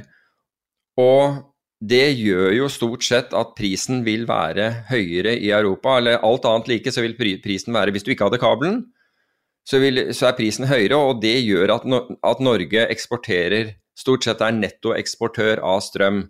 Konsekvensen av det, det, at du får da dette felles strømmarkedet, er at vi betaler mer for vår strøm. Så du kan si at norske naturressurser øh, da, får da en høyere pris. Og hvem er det det gagner? Det gagner i hvert fall ikke de, oss som forbrukere at du får en høyere pris, i utgangspunktet i hvert fall. Jo, det gagner oss fordi jo, jo, at Med unntak av i fjor. ja, men det kunne jo kanskje vært altså, Jeg ville jo debattert at kanskje det burde vært gjort på en annen måte. Men så det, det gagner ikke forbrukeren, ja, jeg, jeg, hører hva du sier, at selvfølgelig må disse selskapene uh, overleve. Men disse selskapene tjener stort sett godt, så det er greit. Masse og, selskaper konker i England. Ja, ja, men de, de skal, de skal vedlikeholde et, et, voldsomt nett, og det er mange kostnader her, så det er ikke det. Men poenget mitt er at hvem er det som tjener? Jo, det er selvfølgelig selskapet som selger strømmen sin til en høyere pris, men også staten, fordi staten tar jo avgifter av dette. Så staten blir rikere av, av å gjøre det, men, men, vi som forbrukere, vi, vi opplever Altså, vi får, vi får høyere vi, vi, får større utgifter. Så det blir en inflasjon fra, i, i, priser fra vårt ståsted. Og så har du nå, foreløpig så har det vært eh, mellom Norge og, og, og Europa. Og så har du nå da fra fredag, altså fra noen dager tilbake, så kom, eh, kom den kabelen i, i drift mellom Norge test, og Storbritannia. Testdrift. Ja, greit nok. Men Storbritannia har enda høyere priser. Ti ganger enda Norge høyere pris. Hva sier du? Ti ganger prisen til halve Norge i dag. Ja, ok. Ti ganger prisen til halve Norge i dag i Storbritannia. Så gjett hva som da kommer til å skje. Jo, det betyr jo at kraftselskapene tjener enda mer. Eh, for, eh, ved å, eh, for å eksportere denne her. Staten får, får, større, får, får større, inntekter som følge av, av, skatter og avgifter. Og vi som forbrukere, vi betaler mer. Det er det som skjer som, som følge av det. Så, ja, og vi har den ene tingen som du glemmer der, er jo fordelen med det her, og det er at vi har strøm, og vi vet at vi kommer til å ha strøm. Og det ser du, konsekvensen av å ikke ha strøm, så du i Texas i år. Jo, jo, jeg vet at det av og til skjer, men har du, sjekka, har du sjekka Norge topografisk? Ja, men Norge kan jo altså Med global eh, oppvarming og klima Det kan hende. Altså, det kan hende. Men tingen er at når det skjer, så har du ingen recourse. Du har ingen måte å fylle opp på noen måte annet enn å vente på regnet. Og Norge er mer Eller vind. Ja, men altså Det er noe primært regn. Jo, men nå har du litt har, altså, Altså, I dag den- kjøpte jo Statkraft masse vindkraftverk, så Ja, det var sikkert for, ikke for, for ikke noe, for å si det på Men nå, du har jo på en måte perfect storm som skjer nå i Europa. Altså, tysk eh, windspeed, altså vindhastighet, ja. er den laveste siden 1961, visstnok, i år. Men kan vi snakke Så- litt om hvordan det her starta? For det har vi ikke snakka om tidligere, og jeg tror ikke det er så godt kjent. Hva starta? Hele greia her. For, for noen år siden så innførte EU nye regler for handel av gass. Og eh, det var Reuter som hadde en liten notis i forrige uke. Eh, og der de endra reglene for at gassprodusentene eh, måtte gå bort fra stabile, langsiktige kontrakter og over mer mot spot. Eh, Om det er spot eller om det er kortere kontrakter, det spesifiserte de ikke. Men så vidt jeg kan se, så er det en mulig trigger på hele denne situasjonen som har skapt den usikkerheten vi er i nå. Fordi at det er jo gass som er nøkkelen, det er jo gass som er selve jokeren i hele det her. Og når man da, ser, når man da begynner å tenke ok, da gass er det som driver det her fram, så er det jo lett å gjøre koblinger til Russland og Putin. Og når man er eh, Det er vel ikke så mange måneder til den nye gasskabelen åpner fra Russland, og at de har lyst til å få et strammest mulig marked i forkant av det, er jo en mulighet. Og Nordea sa det i dag, at, eh, at de mener at Europas energipolicy effektivt sett er i hendene til Putin, sa de i dag. Og, eh, og da snakker de jo selvfølgelig om lavere vind, eh, mindre atomkraft, eh, lite gass på lager, og, og at eh, på en måte alt ligger til rette. Sånn at man kan jo stille seg spørsmålet eh, er det helt riktig hvor lite gass det er i markedet nå, eller er det her til en viss grad manipulert? Ja, for må være noen mulig å stille spørsmålet. Jo, det er jeg helt enig i, men på toppen av det hele så er den sjette største, eh, verdens sjette største gassprodusent vil nå slutte å, å som, da, som er Algerie, vil nå slutte å, å, å sende gass eh, til, eh, til eh, Spania og Portugal. Det skjer nå. Midt oppi dette hele så, så skjer det nå. Hvorfor? Jo, fordi Algerie, eller Marokko, den, den, denne rørledningen går gjennom Marokko, og Marok Marokko er forbannet på Algerie pga. at Algerie har tatt siden Altså Vest-Sahara forsøker å løsrive seg fra Marokko, har egentlig holdt på med det siden 1970 eller noe sånt, nå, tror jeg. Men, eh, men det har liksom det har dratt seg til en del. Du har jo hatt eh, håper si, væpnet konflikt der nede òg, som du heldigvis ikke har nå. Men Marokko er forbanna på Algerie, for de tar, de, de tar eh, um, eh, de, de tar side mot Marokko, da, for å si det på den måten. Nettopp, nemlig at, at Vest-Sahara skal bli, eh, skal bli uh, uavhengig. Og 24% av Algeries produksjon den, den drar da av gårde, som er den sjette eh, største produsenten, til Spania og Portugal. Og noe går vel med en direktelinje opp, oppover mot, mot Italia, men, men, men, men pga. den konflikten mellom Algerie og Marokko, som er på et diplomatisk eh, nivå, så stopper den, eh, så stopper den eksporten. Så jeg er helt enig i at gass er, eh, er Altså naturgassen er bak dette her. Men ting er i ferd med å bli enda vanskeligere, bare, bare så det er sagt. Oh, ja, ja, nå er det jo her et monster, egentlig. Så nå, nå er det jo vanskelig å vite hvor det vil ende. Og mens vi snakker, så har oljeprisen bikka akkurat over 80, eh, 80 dollar fatet, så dette skjer da Høyeste pris på amerikansk lettolje siden 2014, så jeg kom inn nå. Ja. Så eh, det er det Så er du har eh, altså naturgass, altså britisk naturgass, er opp over 300% i år. Hmm. Da begynner det å gjøre vondt, ikke sant? Og Newcastle Coal, altså futures, altså terminen på, på kull fra, fra Newcastle, er opp 183% i år. Hmm. Og strømprisen er opp 119% etter å ha falt nå 30% på litt over 15 dager. Var jo nede inn i ett øre, jeg var, var sikkert under det òg, men jeg fikk den ikke billigere enn ett øre her på natt til, uh, natt til søndag. Og jeg, jeg har fått Tibber nå, og min Tibber-graf viser negativ. Hva mener du? Ha, ha, ok. Eh, Ja, men når jeg, når jeg ha, Det var en bedre avtale enn meg. Det skal jeg jaggu vi bor jo ikke rett ved siden av hverandre. Nei, vi gjør ikke Jeg det. Så, der. men, men altså, mitt, poenget mitt er at jeg tror at debatten, og det, det frykter jo for så vidt sikkert disse, eh, disse, kraftselskapene også, at det kommer fort opp en debatt om hvordan dette her skal, eh, skal, fordeles. Og, og, fordi nå begynner å få en stresset situasjon. Det hjelper ikke å si at ja, men i England betaler de veldig mye mer for strøm. De betaler, de betaler kanskje en tredjedel av hva vi gjør for biler f.eks. Altså, så du kan ikke bare se på én faktor der. Men du hadde et Men, bra eh, kommentar i stad. Inflasjonen tar jo også høyde for strøm. Altså, når vi snakker om inflasjon, ja. inflasjon er jo en del av KPI-beregninga. Ja. Så eh, da begynner det her, da begynner du plutselig å se konsekvensene av det her. fordi at det hele verden sitter og venter på, er jo hva i alle dager skjer med inflasjonen. Der må vi mm. begynne å snakke om det virkelig store kreftene. Um, så da kan man ta eh, KPI X eh, energi eventuelt. Ja, da skynder man seg å gjøre den X energi så det ikke skal bli fullt så synlig. Men det blir ganske synlig på folks økonomi, altså. Det gjør det definitivt. Minus ett øre og ja, 1,5 øre. Å ah, ja hadde Ja, ja. Jeg lada alt fra bil til barbermaskin ja, nei, nei, nei, nei. til, til lommelykt. Her skulle, alt, her, skulle alt, her skulle alt lades. Men altså før Sorry. Jeg tenker på i hodet alle andre ting som går på strøm, som jeg kunne sagt. Men, ja, men altså, men altså tidligere så har jo Og det er jo mange som vil si at det er jaggu på tide at man begynner å, å, å tenke på dette og ikke bruke altså ikke sløse med strøm. Og det kan godt hende at det får et bevisst forhold til strøm er en, eh, er en positiv ting. Men, eh, men, noen kommer til Altså, du får Ingen sjokk er positiv? Nei, vanligvis så er det ikke det. Men noen ganger kan dismatching være positiv, for det får deg til å, til å tenke deg om. Mm. Men jeg tror jo også, og det, det er vel tror jeg disse kraftselskapene også er uh, bekymret over. At hvis du får for store svingninger nå, det vil egentlig si til oppsiden, um, så vil så, så, vil det bli mye debatt rundt dette. Ja. Men husker du, og Peter, vil man starta å se på forskjellige løsninger. Når vi starta episoden i dag, så sa vi vi skal hard out etter 1 time og 20 minutter.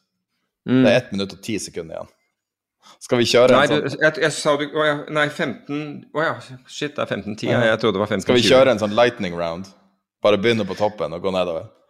Um, ja, Goldman Sachs-sitatet, for det er jo ikke noe mer enn bare et sitat? det Nei, men det er et veldig godt uh, sitat, og det reflekterer hvordan forvaltere gjorde i forrige Altså europeiske og amerikanske forvaltere gjorde i forrige uke, altså det er aktive forvaltere. Positive beta has been offset by negative alpha. Med andre ord, de, hadde, de, de leverer ikke merverdi. Og, og alt, når den positive betaen, med andre ord at markedet gikk opp, forsvant, så slutta de å tjene penger. Faktisk tapte de mer. Det, men det, godt, det var et utrolig godt sitat. Og så kommer spekkene inn i Norge? Spekken inn i Norge det er ganske interessant, for det var jo norske forretningsadvokater som ønsket, eh, som ønsket, dette her. Og det som skjer ute nå, er at for øvrig at det har vært 50 eh, innløsning i siste kvartal. Altså folk vil for guds skyld ut av dette her, fordi de ser at tilretteleggerhonorarene er over dobbelt så høye som i andre emisjoner. Så det er kjempebra for mellommenn, veldig dårlig for investorer. Uh, F av da? Ja, der ser jeg at eh, innsideporteføljen fortsetter å tape. Jeg tror den var ned 10 eh, FA, som i Finansavisen, 10% er ned 10% mens aksjemarkedet er opp 19% Jeg bare lurer på om Eller at hvorfor, de kanskje er bare litt tidlig ute. At uh, kan, folk kan være, at, men, men, hvorfor lage siden, siden, de omtaler alle disse herre som uh, alle disse finanskjendisene, hvorfor lager de ikke heller en, en indeks av smartingene, så kaller det smartingporteføljen eller et eller annet sånt, hvor de tracker da hva som skjer den da, fra den dagen hvor Finansavisen skriver at f.eks. Spetalen kjøper en aksje osv., og, så videre, og til, Spetal, til, til, eh, Spetalen har solgt den aksjen, hva som skjer da? Du, Hvis folk begynner å trekke aksjeanbefalinger i media, da er den bransjen over, altså. ja, det er ingen som gjør det offentlig mer igjen. Det. det kan være. For det, du, tar, eh, du tar aksjekursen, og så trykker du på gange, og så trykker du på to og så har du kursmålet til uh... Du trykker på minimum to ganger? Nei, det er to. Altså, jeg husker det, jeg hadde bare Bloomberg i én måned. Uh, I en tidligere jobb så forsøkte jeg å overtale sjefen min til å uh, ta, ta, både kostnaden og også risken ved å ha en Bloomberg-terminal. Da husker jeg den, den, tingen, den, ene tingen jeg virkelig elska da, var å kunne tracke alle anbefalingene på en graf. Og det var 100% altså. Det er nøyaktig ganger to. Med mindre noe helt fantastisk en gang i Det er anbefalingen, men resultatet er et annet. Ja, og så hadde jeg skrevet en blogg som blir oppfatta som, eh, marke, som, som en sånn komplett markedsoppdatering, men det var basert på en anekdote. Basically at det var utrolig stramt kontormarked i Oslo, veldig vanskelig å få seg kontor. Noe jeg har opplevd sjøl også. Eh, og så sier du at eh, amerikanerne eh, vil fortsatt ha hjemmekontor.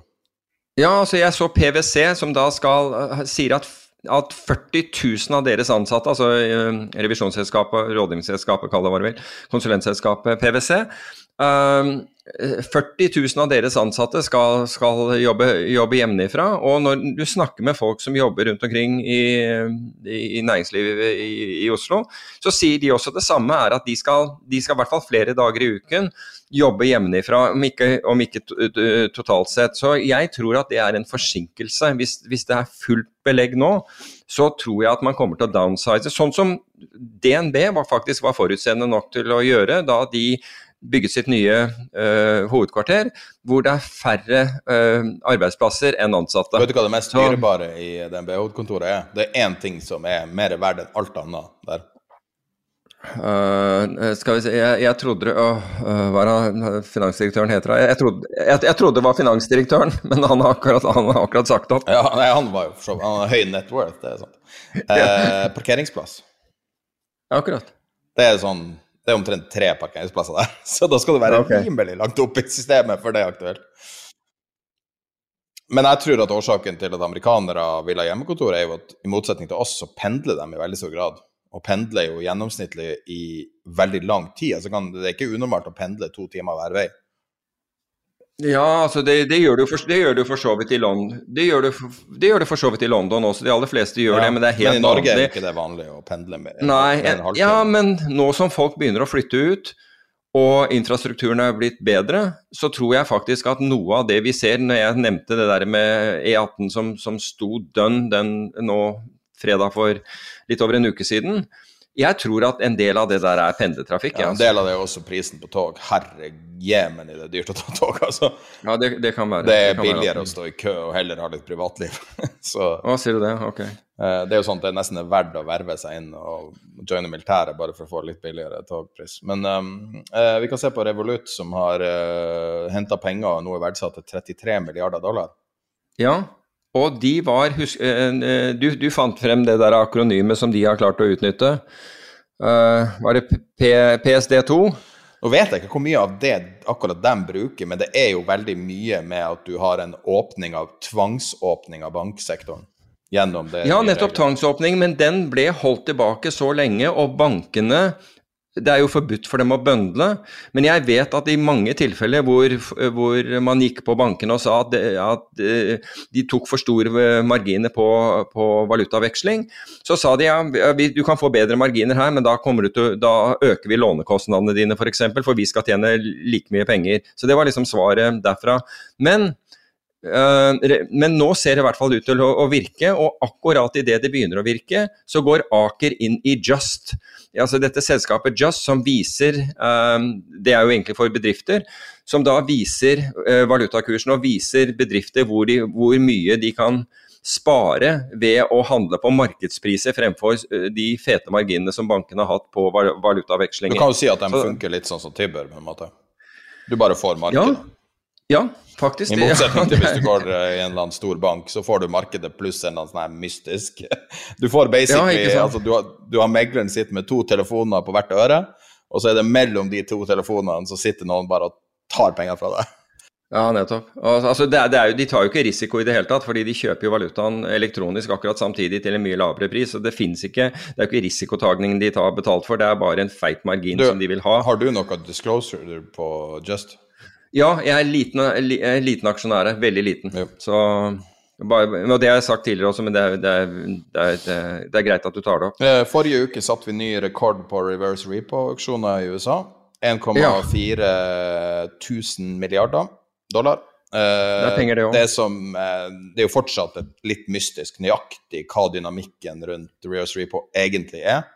Det er definitivt folk som er på jakt etter yield, men um, det trekker inn likviditet ja. fra markedet. Altså, men det er markedet som Men likevel, som... hvorfor det skjer nå, er ikke helt krystallklart. Uh, Nei, men, du kan, men det er mange ting. altså det, det, Markedet flyter over av penger, det er det ene. fordi Hvis ikke så Det er jo frivillig for bankene og finansinstitusjoner å bruke uh, repo-vinduet til, til, sentralbanken, og dette er reverse repo, som er det samme, bortsett fra at da, tilfør, altså da, da tar du likviditeten din og flytter fra altså Du har så mye penger i, du får så mye penger fra, fra kundene at uh, kapitaldekningskravet ditt går opp, altså for bankene hvis de tar imot de pengene. Isteden så gir de dem til sentralbanken og får statsobligasjoner som sikkerhet for dem. Og en, liten, en veldig liten rente, men bedre enn om man uh, Bedre enn ingen rente, for å si det på den måten. Og så har vi selvfølgelig Cathy Wood, som har tatt over fra Elon Musk for å være den mest omtalte personen i finans. Ja. Jeg syns i hvert fall det. Er ikke det? Det er jo den som jeg vet skaper ikke. mest jeg, vet ikke. Jeg, jeg, leser ikke så mye om det, men akkurat forrige uke så, så, så... Ja, Du mener at olje har toppa ut? Nå føler jeg at Ja, hun bomma litt på den, men, ja, men ellers Ja, hun sa vel at uh, oljeetterspørselen hadde toppa ut, men implisitt okay. oljeprisen. Men uh, også snakker hun i et, Jeg vet ikke om det var i samme intervjuet, men der hun sier da at de sikter etter 30 Årlig avkastning. avkastning. Ja. Altså, gå igjen. Du må ikke sikte ja. etter 30% det er ganske crazy. Nei, det er altså forespeile investorene 30% i året i årlig avkastning. Det... Kan man saksøke dem hvis du får 29, da? Jeg vet ikke, jeg vet ikke hvordan det ble sagt, jeg bare så at det ble gjengitt såpass mange steder at det var umulig å, å ignorere det, for å si på den måten. Ja. Men det, det faller jo litt på sin egen urimelighet. Det er greit at du kan levere 30 pluss, men å drive og forskuttere det, den er litt verre. Ja, det er litt merkelig. Spesielt når du er en ekstremt uh, høy beta-ETF som følger markedet i veldig stor grad. Så det du Nettopp. sier, er at markedet skal bare stige og stige og stige og stige. Fordi at hvis det ikke stiger, så skal du se at ark faller fortere enn uh, tyngdekrafta. Altså. Ja, nettopp. Og, og, når du er Altså, hun, fondet er ned ca. 11% i år, så hun har en jobb å gjøre de siste, de siste månedene. I hvert fall hvis hun skal oppnå 30% positiv avkastning i år. Ja. Og så er det jo veldig gode nyheter om korona, som fikk eh, alle de her vaksineselskapene eh, til å stupe på børs. Og det var at et annet selskap, Merk, har kanskje funnet en eh, kur mot at du dør av covid. Og en amerikansk lege som jeg snakka mye med om alt mulig sånne her ting, har sagt at det er det er punktet, det du er på jakt etter, er det punktet der du har en kur. vaksine er vel og bra, men det er kuren mm. som er slutten to strek under svaret slutten på korona. Så um, det Merk har eh, fått av resultater, er jo veldig lovende. Og man må jo bare være optimist. Det er jo ingenting annet å være enn det. Ja. Så har vi helt til slutt, da. to lytterspørsmål. Så, ja, jeg skulle, jeg, hadde, jeg skulle, egentlig også forklare utbyttearbitrasje, for vi la ut denne, den, eh, den hva heter det, den reportasjen. Den finnes på Facebook-siden vår uh, om de som svindlet med, med, med utbytte. Um, men jeg skal heller forklare det neste gang, for det tar ikke lang tid å forklare. Men vi har ikke så, så mye tid igjen nå, så jeg skal forklare hvordan det teknisk sett uh, fungerer. Men vi har fått to, to lytterspørsmål. Et spørsmål er kan et selskap som shorter få denne, løs, altså få denne løst inn gjennom tildeling ved emisjon? Og svar på det er ja, for det gjorde bl.a. Sissener. Han var veldig heldig at han fikk tildelt Han var short Norwegian-aksjer, men fikk da tildelt disse billig gjennom en emisjon. Hvis ikke så hadde han gått på et ordentlig tap. Så det, det kan skje. Og så var spørsmål uh, nummer to kan, lå... Skal vi se kan man binde seg ved tildeling av misjon? Ja kan, ja, kan, det stemme at en som ved emisjon binder seg til, til, ikke, til, binder seg til ikke selge aksjene før etter tre måneder under tildeling? Altså med andre ord, hvis du er f.eks. gründer i et selskap, kan det være at du må binde deg til å ikke selge aksjene? Ikke det ja, en lockup. Det er en lockup. Ja, det kan du. Men det som har skjedd når det gjelder det, fordi det har vi faktisk ikke påpekt, det er at de, altså slike lockuper, la oss si at det var seks måneder, plutselig så vedtar et styre at den lockupen kun skal være i en kortere tid, eh, f.eks. tre måneder, og så selger de før det. Og dette har blitt ganske øh, debattert. Fordi investorene som kjøper aksjene, de forholder seg jo egentlig til det som skjer ved det tidspunktet hvor de går, deltar i emisjonen. Og da har de blitt fortalt at det er en seks måneders lockup for primærinnsidere eller et eller annet sånt. Og så viser det seg plutselig at, at reglene ble endret underveis.